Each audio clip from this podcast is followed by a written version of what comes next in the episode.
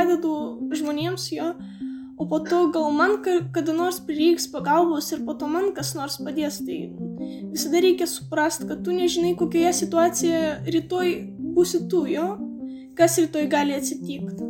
Ir jeigu žmonės uždarinės akis į kažkokias problemas ar įvykius, jie nepadinės vienas kitams, tai bus šakės turbūt. Labas visiems. Ačiū, kad įsijungėte Naro podcastą. Čia Karolis Višniauskas, sveikinuosi iš namų studijos.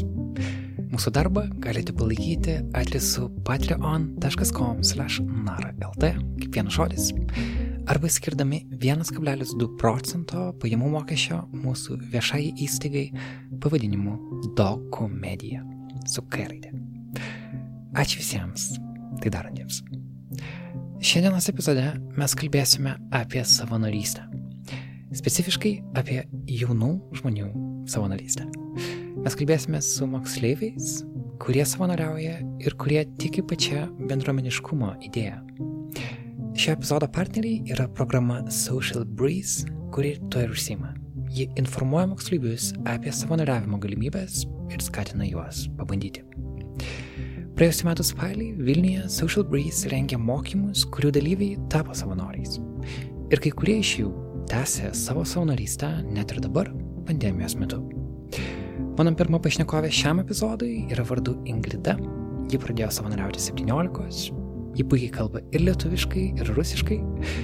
Ir turėdama šiuos gabumus, ji tapo labai naudinga Raudonajam kryžiui. Tuo pat metu Ingrida eina į mokyklą, į online pamokas. Paskambinau jai, kai šios pamokos baigėsi.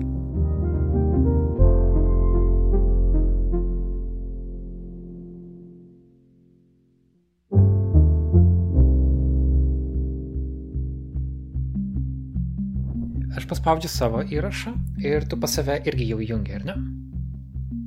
Dabar jau įjungiau. Super. Tai galim tada pradžioj suploti, kad žinotumėm, kur yra įrašo pradžia pas mus gerai.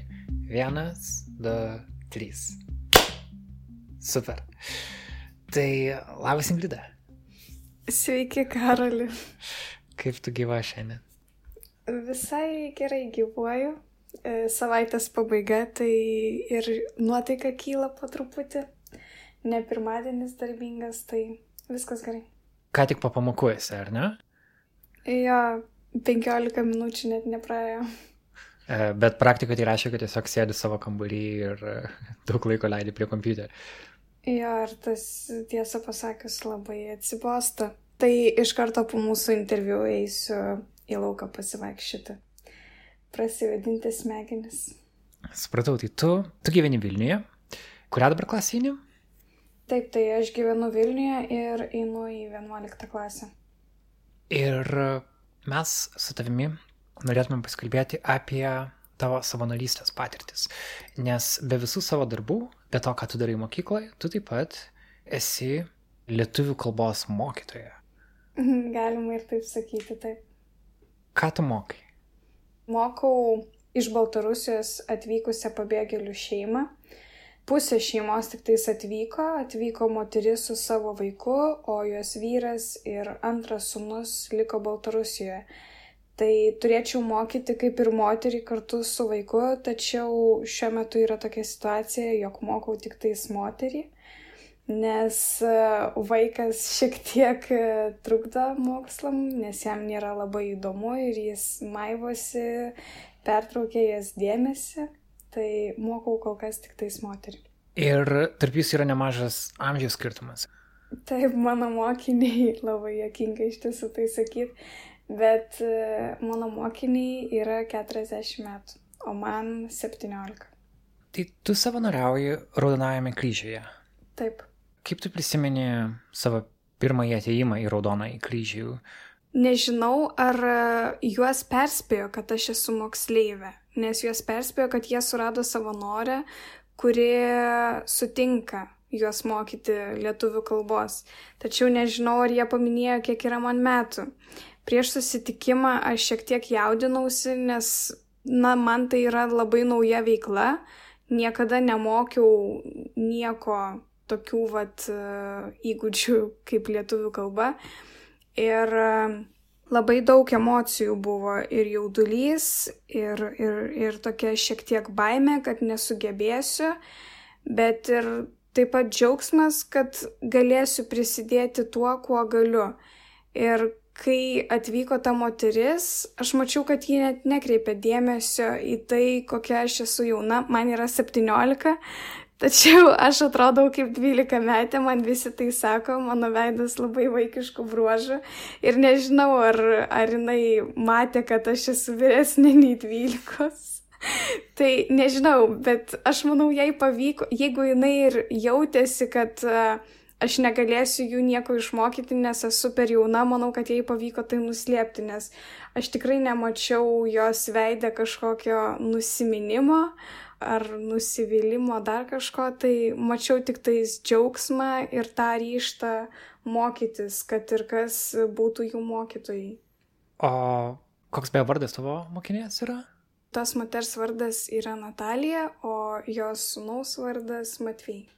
O kaip jums sekasi mokytis lietuvių kalbos? Lietuvių kalba yra sudėtinga. Jeigu tu neužaugai jos mokėdamas, tad daug kas sako, kas bando lietuvių kalbą mokytis, yra daug, daug įvairiausių taisyklių, yra labai daug išimčių, yra, žinai, linksniai, yra galūnės.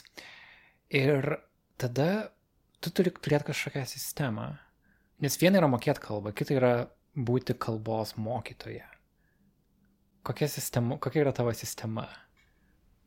Jo, tokios sistemos aš nelabai turiu, bet e, ta Natalija, jinai yra mm, tokia vadovė, galima sakyti man.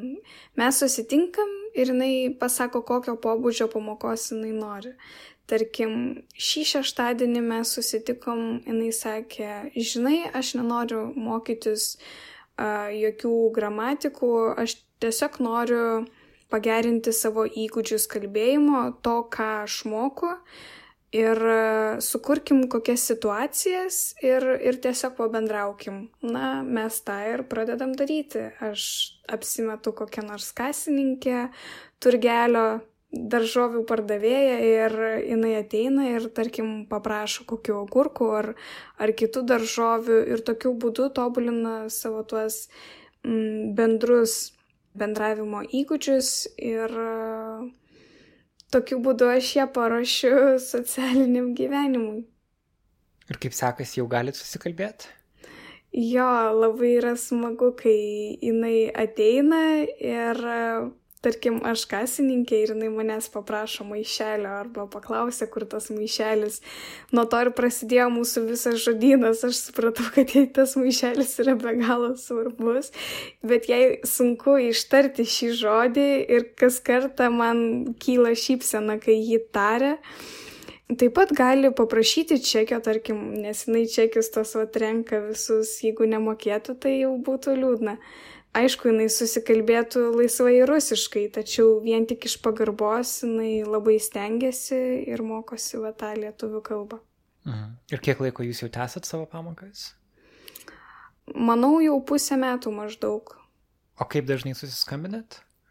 Beveik kiekvieną šeštadienį priklauso nuo mūsų savijautos, nuo mūsų bendrų veiklų. Jeigu mes esam, tarkim, labai užsiemusios, tai arba nukeliam mūsų susitikimą į kokį sekmadienį, arba mm, nusprendžiam praleisti ir susitikti jau kitą šeštadienį. Hmm.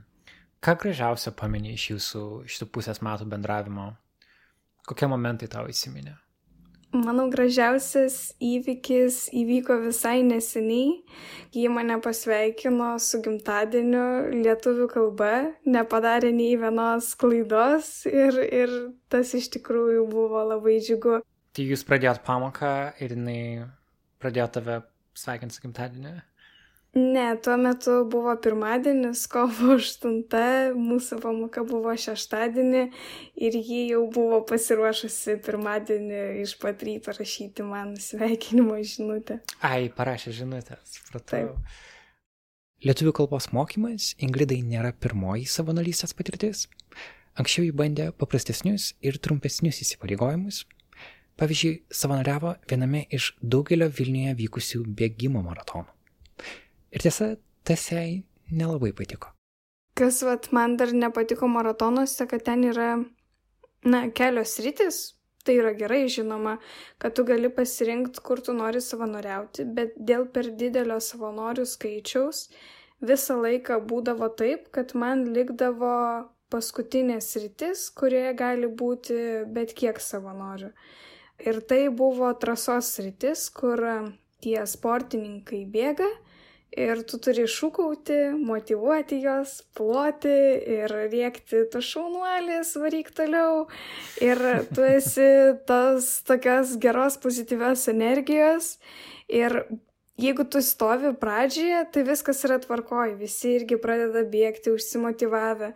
Bet jeigu tu stovi, tarkim, vidury arba prie pabaigos, visi jau yra pridusę ir kiekvieno tą tavo sušaukimą jie, nežinau, pasižiūri į tave tokių ledinių ir šaltų žvilgsnių, lik norėtų nužudyti, aš nežinau, ir visa ta motivacija, toks jausmas, kad juos tik tais demotivuoja Ir visiškai nesinori tada nei rėkti, nei palaikyti, nes, na, kiekvienas, žinoma, skirtingai tai priema.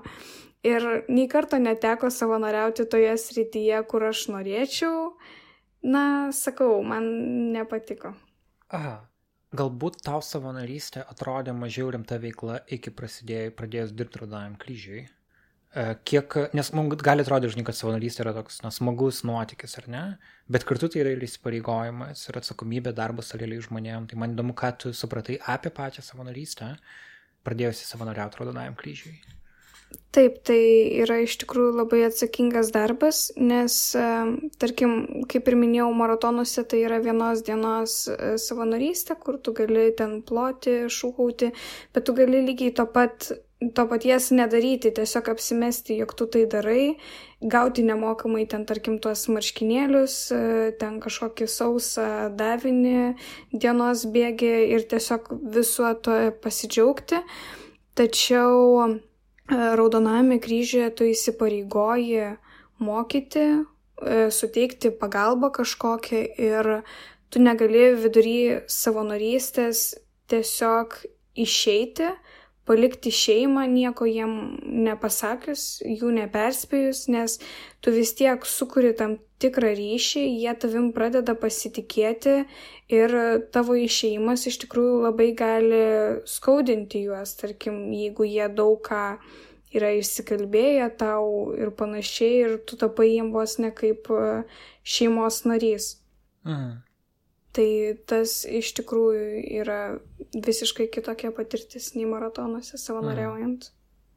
Tai tarsi ugdo tavo atsakomybės jausmą. Taip, ir manau, tai ir yra priežastis, kodėl savanorystė galima tik tais nuo 14 metų. Kad jau būtum labiau subrendęs šiek tiek. Taip. Hmm. O ar turėjai progą su kitais savanoriais susipažinti Raudonojo kryžiaus? Ir kokie tie žmonės tau pasirodė, kiti savanoriai? Yra kažkas, kas vienyje jūs visus? Galiu pasakyti tai, jog aš esu jauniausia, dominuoja vyresnio amžiaus moteris, vyrų irgi labai nedidelė dalis ir nežinau, kas vienyje, gal vienyje tas noras kitiem padėti, tačiau nebuvo taip, kad mes daug bendrautumėm, nes e, tie susitikimai yra trumpalaikiai, e, gana kas ilgą laiko tarpą ir mes niekada nematėm vienas kito gyvai, kadangi aš pradėjau savo savanorystę karantino metu, tai tokio ryšio kaip ir nėra dar. Mm. Įdomu, kad dominuoja moteris. Kaip manai, kodėl? Jo, mes buvo vienas susitikimas, kai atėjau tik tais aš ir koordinatorė ir jokių kitų uh, savanorių nebuvo, tai tas buvo iš dalies liūdna, bet tuo pačiu ir gerai, nes aš susipažinau su savo koordinatorė artimiau, sužinojau, jog jinai dirba kažkokį mokslinį darbą, jinai tyrinėja žvaigždžių cheminę sudėtį, kažkas tai, bet tikrai niekada gyvenime nebūčiau pagalvojus, kad tokie žmonės savanoriauja nes atrodo, kad jie ir taip labai daug turi veiklos, kuo užsimti ir tas iš tikrųjų mane labai nustebino ir būtent apie tai mes ir kažkaip pradėjom mūsų pokalbį, kad e, čia dominuoja pas mus moterų grupė ir vyresnių, ir kad aš esu tokia jauniausia, ir irgi bandėm išsiaiškinti, kodėl tai yra. Ir galbūt todėl, kad uh, moters padėtis visuomenėje yra tokia, kad ji turi rūpintis ir iš mūsų kultūros, iš mūsų tradicijų, iš anksčiau atėjusi yra ta mintis, kad moteris yra tokios labiau altruistiškos ir labiau tos, kurios rūpinasi kitais, o vyrai tie, kurie dirba ir uždirba tos pinigus ir neša juos namo. Mhm. Nežinau, kol kas tokia pas mus išvada buvo. Mhm. Jo, nes e, nėra taip, kad moteris mažiau, kad vyrai daugiau dirbtų. Tiesiog, e, jeigu tas darbas yra neapmokamas, tada atrodo, kad tarsi nevyriškai jo imtis, galbūt toks požiūris yra, bet aš irgi spekuliuoju, bet e, tau pačiai tai, kad tai yra altruistinė veikla, kad tu už ją negauni atlyginimo. Kiek tau tai yra svarbu šitą finansinę, žinai, finansinis aspektas, tai pinigų čia nėra, bet kodėl tu tai tuomet vis tiek darai? Manau, kad jeigu tai būtų apmokama, aš nedirbčiau. Nežinau. Taip, kodėl? kodėl? Taip, aš e, padedu, atrodo, jiems, bet tuo pačiu jie padeda man. Na, aš kažkaip tai užsikraunu mm, tą pozityvę energiją ir aš jaučiuosi reikalinga kitam Ir tas man yra labai svarbu. Man yra labai svarbu suteikti kažkokią pridėtinę vertę kitam. Man labai svarbu, kad mano veikla būtų prasminga. Ir kai aš padedu, aš esu įsitikinus, kad ta veikla yra tikrai prasminga. Hmm. Planuoji ją tęsti? Taip, tikrai planuoju tikrai nesirašiau palikti, va tai va, likimo valiai. Nors aš ir žinau, kad e, ta Natalija tikrai galų galiai išmoks tą lietuvių kalbą. Ar aš ją mokyčiau, ar kas nors kitas. Tačiau tarp mūsų atsirado toks stiprus ryšys, kad, e, kad ir kas bebūtų, aš tiesiog nenorėčiau nustoti savo veiklos. Hmm. Ir tiem žmonėm, kurie galbūt svarsto pradėti savanoriauti, ką tu jiems norėtum perduoti, ką jie turėtų žinoti apie savanorystę prieš imdamiesi šitos veiklos?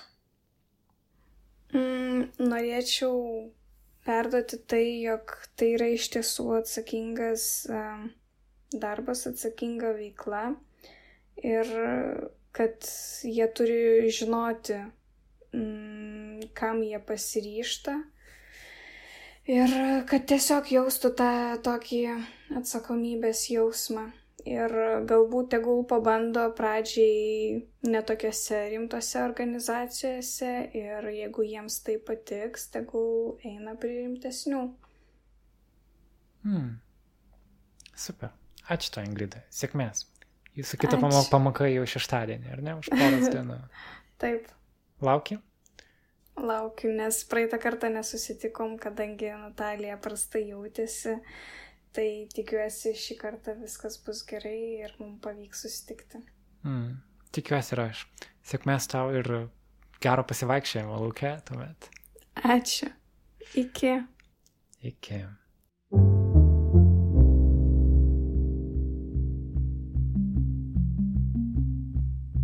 Ačiū Ingridai. O dabar kviečiu išgirsti kitą Social Breeze mokymų dalyvę - savanorę Dariją. Darija kiekvieną savaitę važiuoja į vaikų dienos centrą Vilniuje visų šventųjų gatvėje.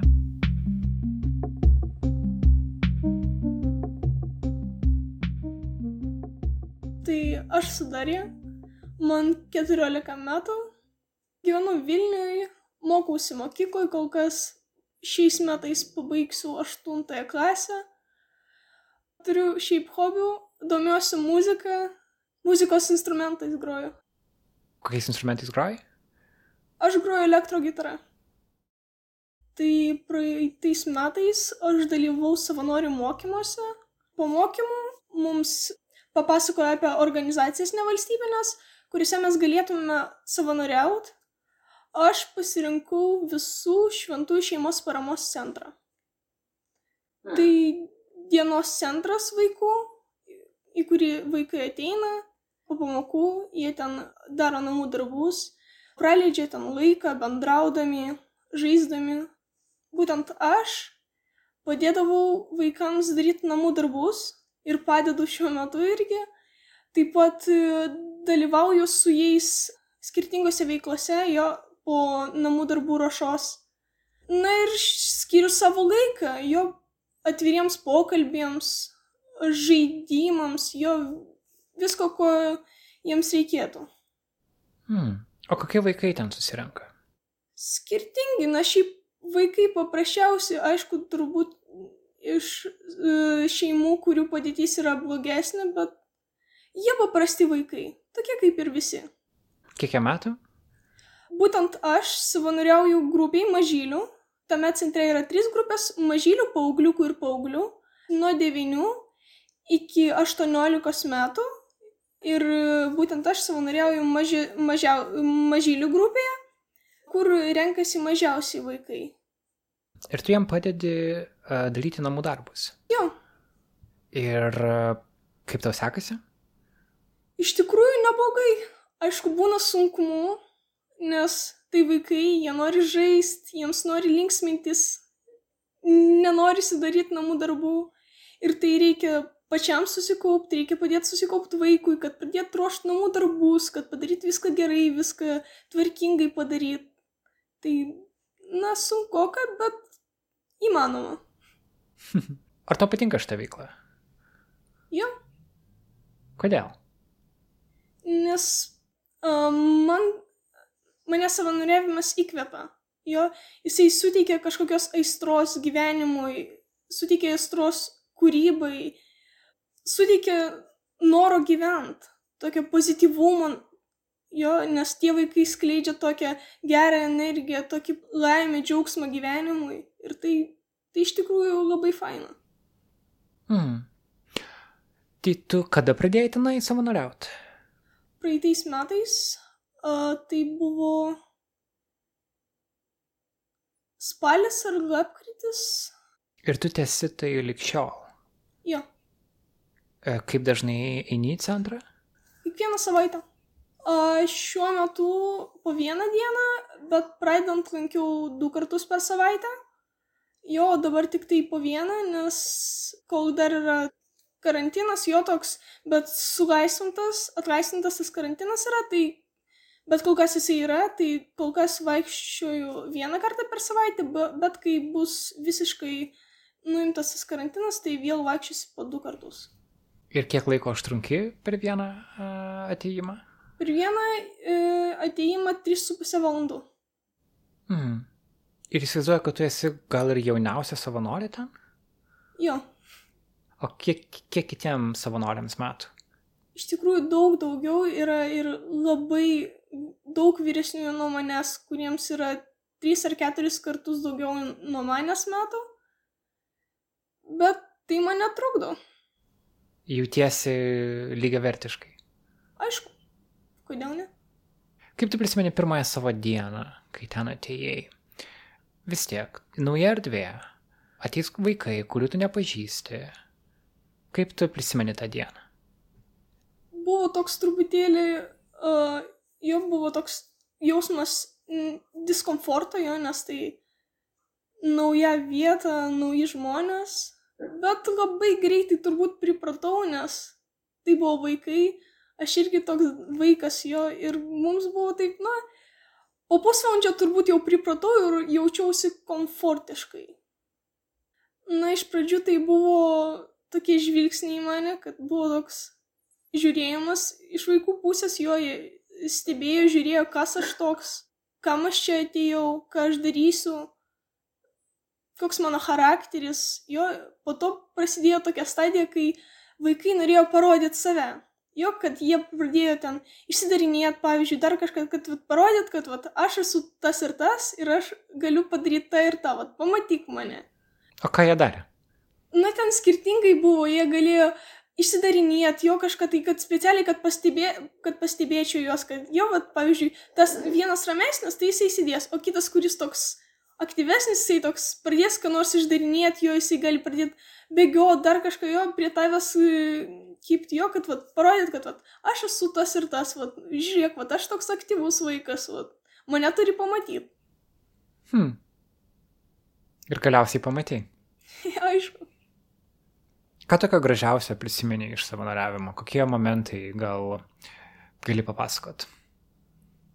Šiaip vienas iš tokių maloniausių buvo įvykių, kai savanorių dienai gavau laišką, pašto dėžutėje radau laišką, kuriame buvo atvirutė, ranka buvo nupiešta, vaikai nupiešė ranką atviruką, piešinį ir iš kitos pusės buvo parašytas, uh, parašyta, už ką vaikai man dėkoja, jo ir sveikinimas su savanorių diena.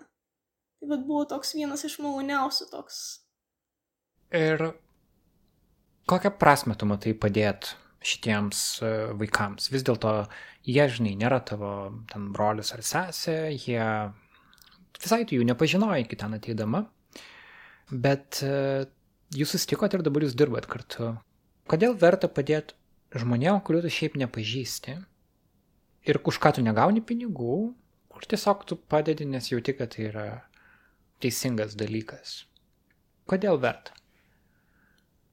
Na, manau, netgi ne tai, kas, kad verta tai yra, bet tiesiog aš dabar padedu žmonėms jo, o po to gal man kada nors prireiks pagalbos ir po to man kas nors padės. Tai visada reikia suprasti, kad tu nežinai, kokioje situacijoje rytoj būsi tu jo, kas rytoj gali atsitikti.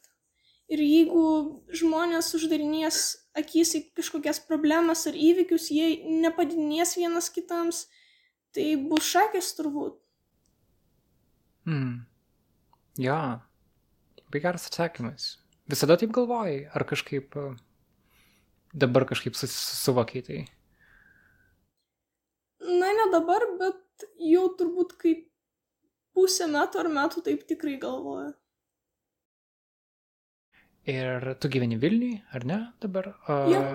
kuriam, kuriam rajone? Tarandė, tai Vilniaus kraštas toks jau ant ribos. A, tai tau labai ilgas kelias yra iki visų šventųjų centro, ar ne? Jo, iš tikrųjų pusvalandį reikia važiuoti. Ir turbūt reikia pakeisti dar autobusą. Ne šiaip su taksi važinėjau, tai. A, ok. Tai dar reikia mokėti nemažai už taksi. Na, nemažai jo, bet šiaip, tai dabar, kai sėdžiu namie, tai reikia su taksi važinėti, bet tuo metu, kai mokiausi, dar vaikščiodavau į mokyklą, jo, tai man buvo taip, kad e, aš išeidavau jo, pas mane šiaip septynios pamokos ir prasidėdavau penkias pamokas ir po to išeidavau iš dviejų ir e, varydavau keletą kilo, keturis kilometrus iki dienos centro pešiom. Jo, ir va taip reikėjo, tai užtrukdavau 40 minučių, tai... Wow. Tai tavo mokykla yra kuri? Mano mokykla yra Vilniaus Vaiskavos ir Komunijos gimnazija, tai naujamestyje. Naujamis, tau iš naujamesčio reikia eiti iki visų šventųjų gatvės, kur yra ten prie stoties, jei gerai pamenu. Jo. Aha, keturis kilometrus. Jo. Wow. Bet uh, verta. Jo. Supratau. Um, gerai. Gal dar kažką turi pridurti? Kažko, ko nepaklausiau apie, apie savanorystę, ką norėtum perduoti žmonėm, kurie galbūt nėra bandę, bet norėtų pabandyti turbūt, kad, kad visi bandytų, kad tiesiog eitų ir bandytų, nes jeigu nebandysi, tai nieko nesužinosi. Nes jeigu sėdėt vietoj, tai nieko nebus. Negalima norėti kažko ir nieko nedaryti. Reikia visada daryti, jeigu norisi kažko.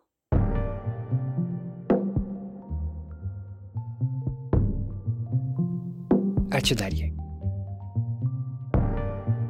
Kartais, rengdami Nara podcast'o epizodus, mes randame organizacijas partnerius, kurie dalinai finansuoja mūsų darbą.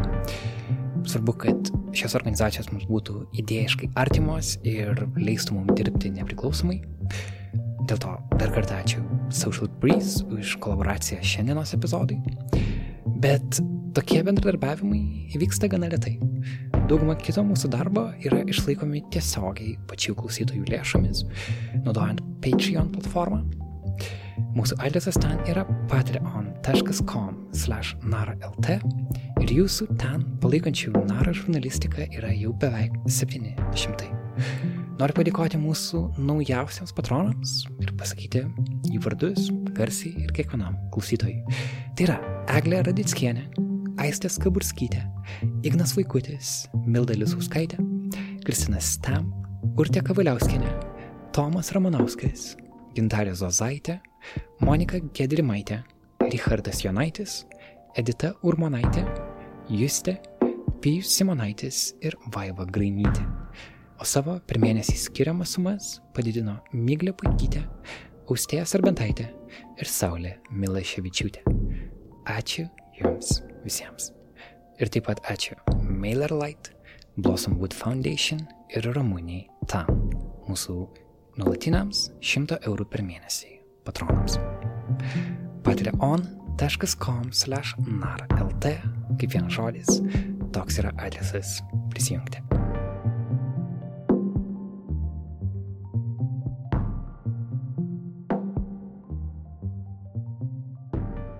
Finalinėje epizodo dalį noriu Jūs pakviesti pažinti Luką ir Eveliną. Jie turėjo užduotį. Vilniuje, Naujininkų rajone, jie kvietė žmonės susipažinti. Tokia yra daugiaučių realybė, kad kaimynai dažnai nepažįsta vieni kitų, jie gyvena čia pat šalia, bet bendruomenės jausmo dažnai ten nėra. Ir iniciatyva socialinis sufleris pabandė užmėgsti žmonių ryšius, Lukas Evelina ir kiti savanoriai kvietė žmonės išėti į lauką ir pabendrauti, pasikalbėti. Tam buvo įrengta speciali palapinė, kurią jie ir pastatė. Ir dabar jie patys papasakoja, kaip jiems sekėsi.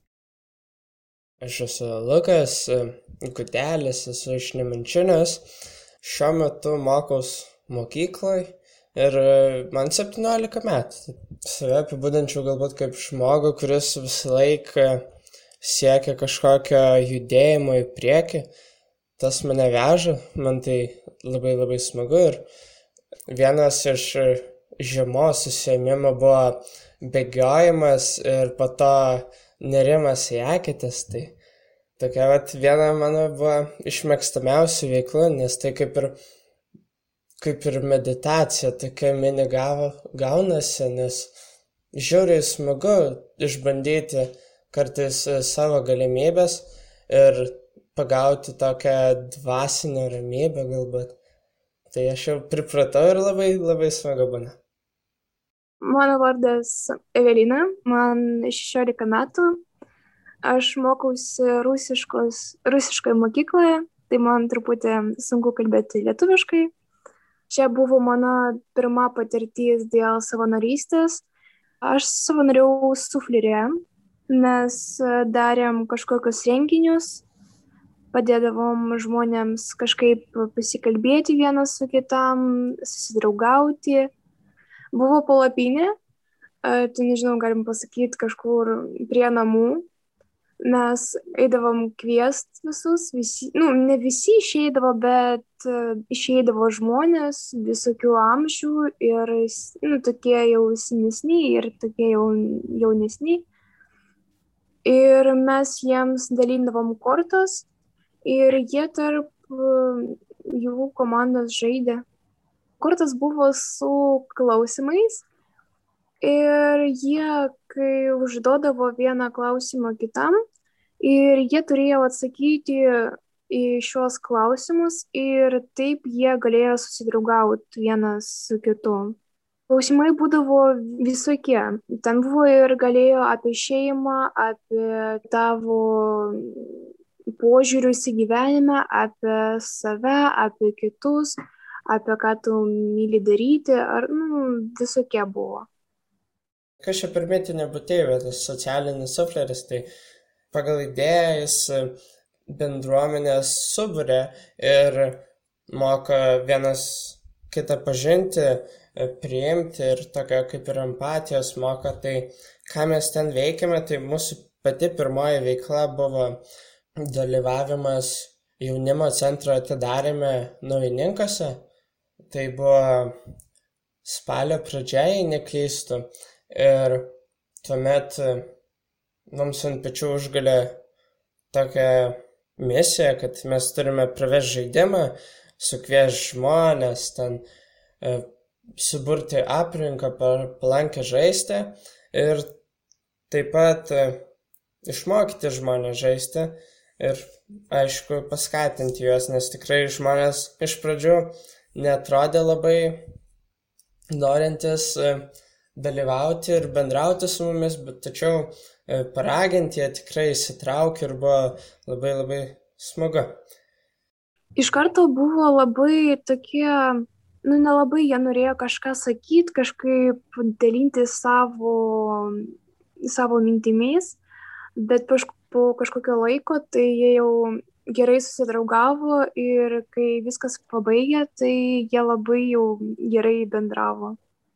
Tai man labai tai patiko man labai patiko, kad mes padėdavom žmonėms, nes aš šiaip labai draugiška, man labai, labai lengvai su kažkuo susidraugauti, bendrauti, labai lengvai. Tai man buvo nesunku iš tikrųjų, nes aš, kada mes kvietėm, aš buvau su Žilvinu, jis rusiškai nieko nesupranta tai aš buvau kaip vertėjas. Jis nieko nesupranta, ten buvo tokie kaimynai, kurie tik kalba rusiškai, lietuviškai nesupranta, tai Žilvinas man sako, Evelina, padėk man. Ir aš tada pradedu rusiškai arba ten lenkiškai kalbėti. Tai va. Mano šeima ten kažkaip, galima pasakyti, iš, ir iš Baltarusijos, iš Lenkijos, Lietuvos, bet pati aš gimiau Lietuvoje o lenkiškai, nes mano šeima būna, kad lenkiškai kalba ir rusiškai, nu, aš vaikščiau į rusišką mokyklą, tai man rusiškai tai lengviau kalbėti. Aš pats gyvenu daugia būtyje. Savo kaimynus pažįstu iš dalies, mes su jais galime pasisveikinti, trumpai aptarti e, kažkokias e, bendras mūsų būtų naujienos, tačiau gilesnio pokalbio neužmesgame, nes šiek tiek turime amžiaus skirtumą, tačiau su bendramžiais e, dažniausiai gerai sutarėme. Iš tikrųjų taip, man buvo labai keista, nes, nu kažkaip, nu gal tie žmonės, kurie neseniai ten atvažiavo, atvažiavo gyventi, tada, nu gerai, bet tie žmonės, kurie ten jau gyvena iš tikrųjų labai ilgai ir nežino vieną kitą, tai man buvo labai ten, nu, man sudėtinga suprasti.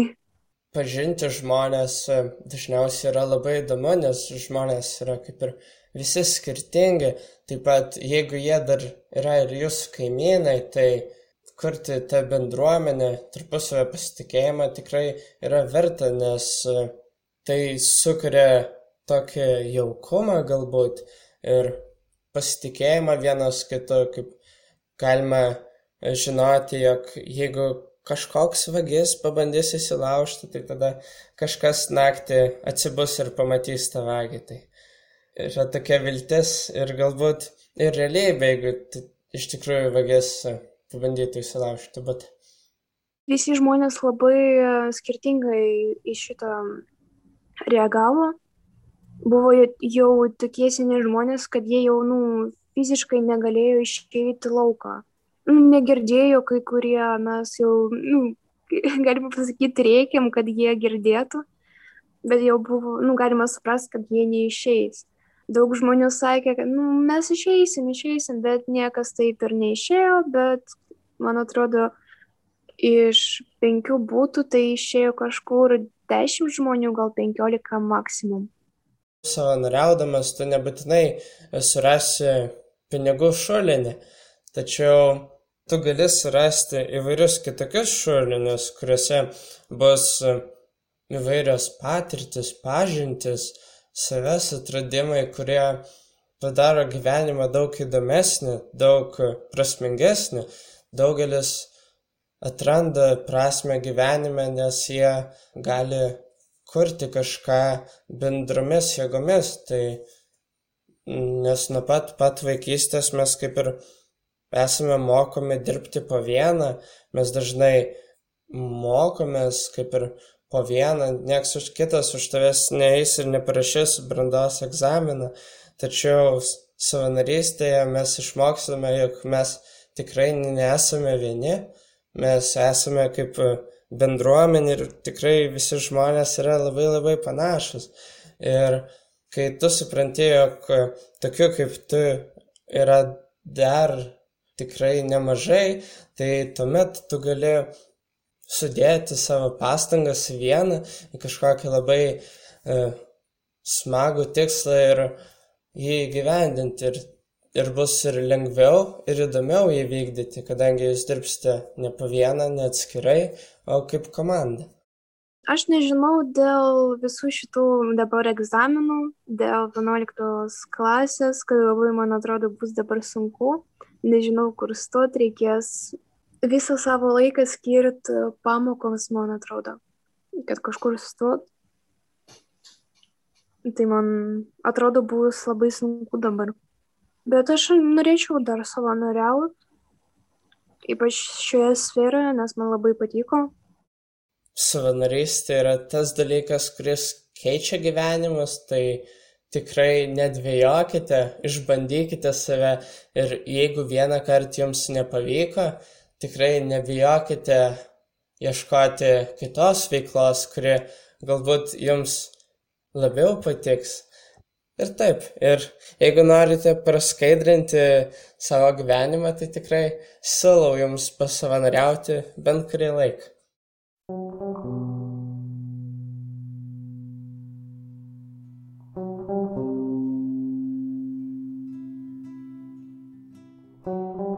Toks mūsų epizodas šiandien.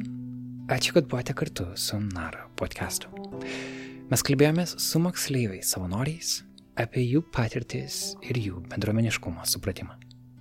Šio epizodo partneriai buvo programa Social Breeze skatinanti moksleivius Lietuvoje pabandyti savanorystę ir jų dėka mes pažinome Darją, Eveliną, Luką ir Ingridą, visus moksleivius, kurie kalbėjo šiame epizode. Su jais kalbėjausi aš, Karolis Višniauskas. Nara LT tinklalapyje ir mūsų Instagrame galite pamatyti visus pašnekovus. Su jais visais susitiko ir juos nufotografavo kolega Karolis Pilypas Liutkevičius.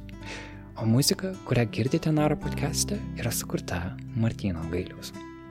Jeigu jūs turite savo savanorystės patirtis ir jaučiate, kad už to yra istorija, kuri verta išgirsti daugiau žmonių, parašykite mums, nara et nara lt yra mūsų paštas. Galbūt e, iš to galės gimti nauja tema, kurią galėsime publikuoti nara lt, galbūt podcast'e, galbūt teksto pavydalu. Čia pat noriu priminti, kad jau nuo rugsėjo mes nesame vien podcastų erdvė. Um, nara lt tinklalapyje raskite foto istorijas, raskite skirtingų žanrų publikacijas. Naujausias jų yra Minduko Dirigoto, kolegos videografo pasakojimas apie kurjerius, apie žmonės, kurie atveža mums maistą. Klausimas, kaip atrodo jų gyvenimai po to, kai jie mums duoda savo siuntinį ir juda toliau. Um, Mindaugas sukūrė odę jiems ir aiškinasi jų darbo sąlygas. Tad užėkite į NARLT ir ten raskite šią ir kitas publikacijas. Tiek šiam kartui. Saugokite vieni kitus, laikykite atstumų fizinių, bet ne socialinių. Greitai susitiksim. Iki.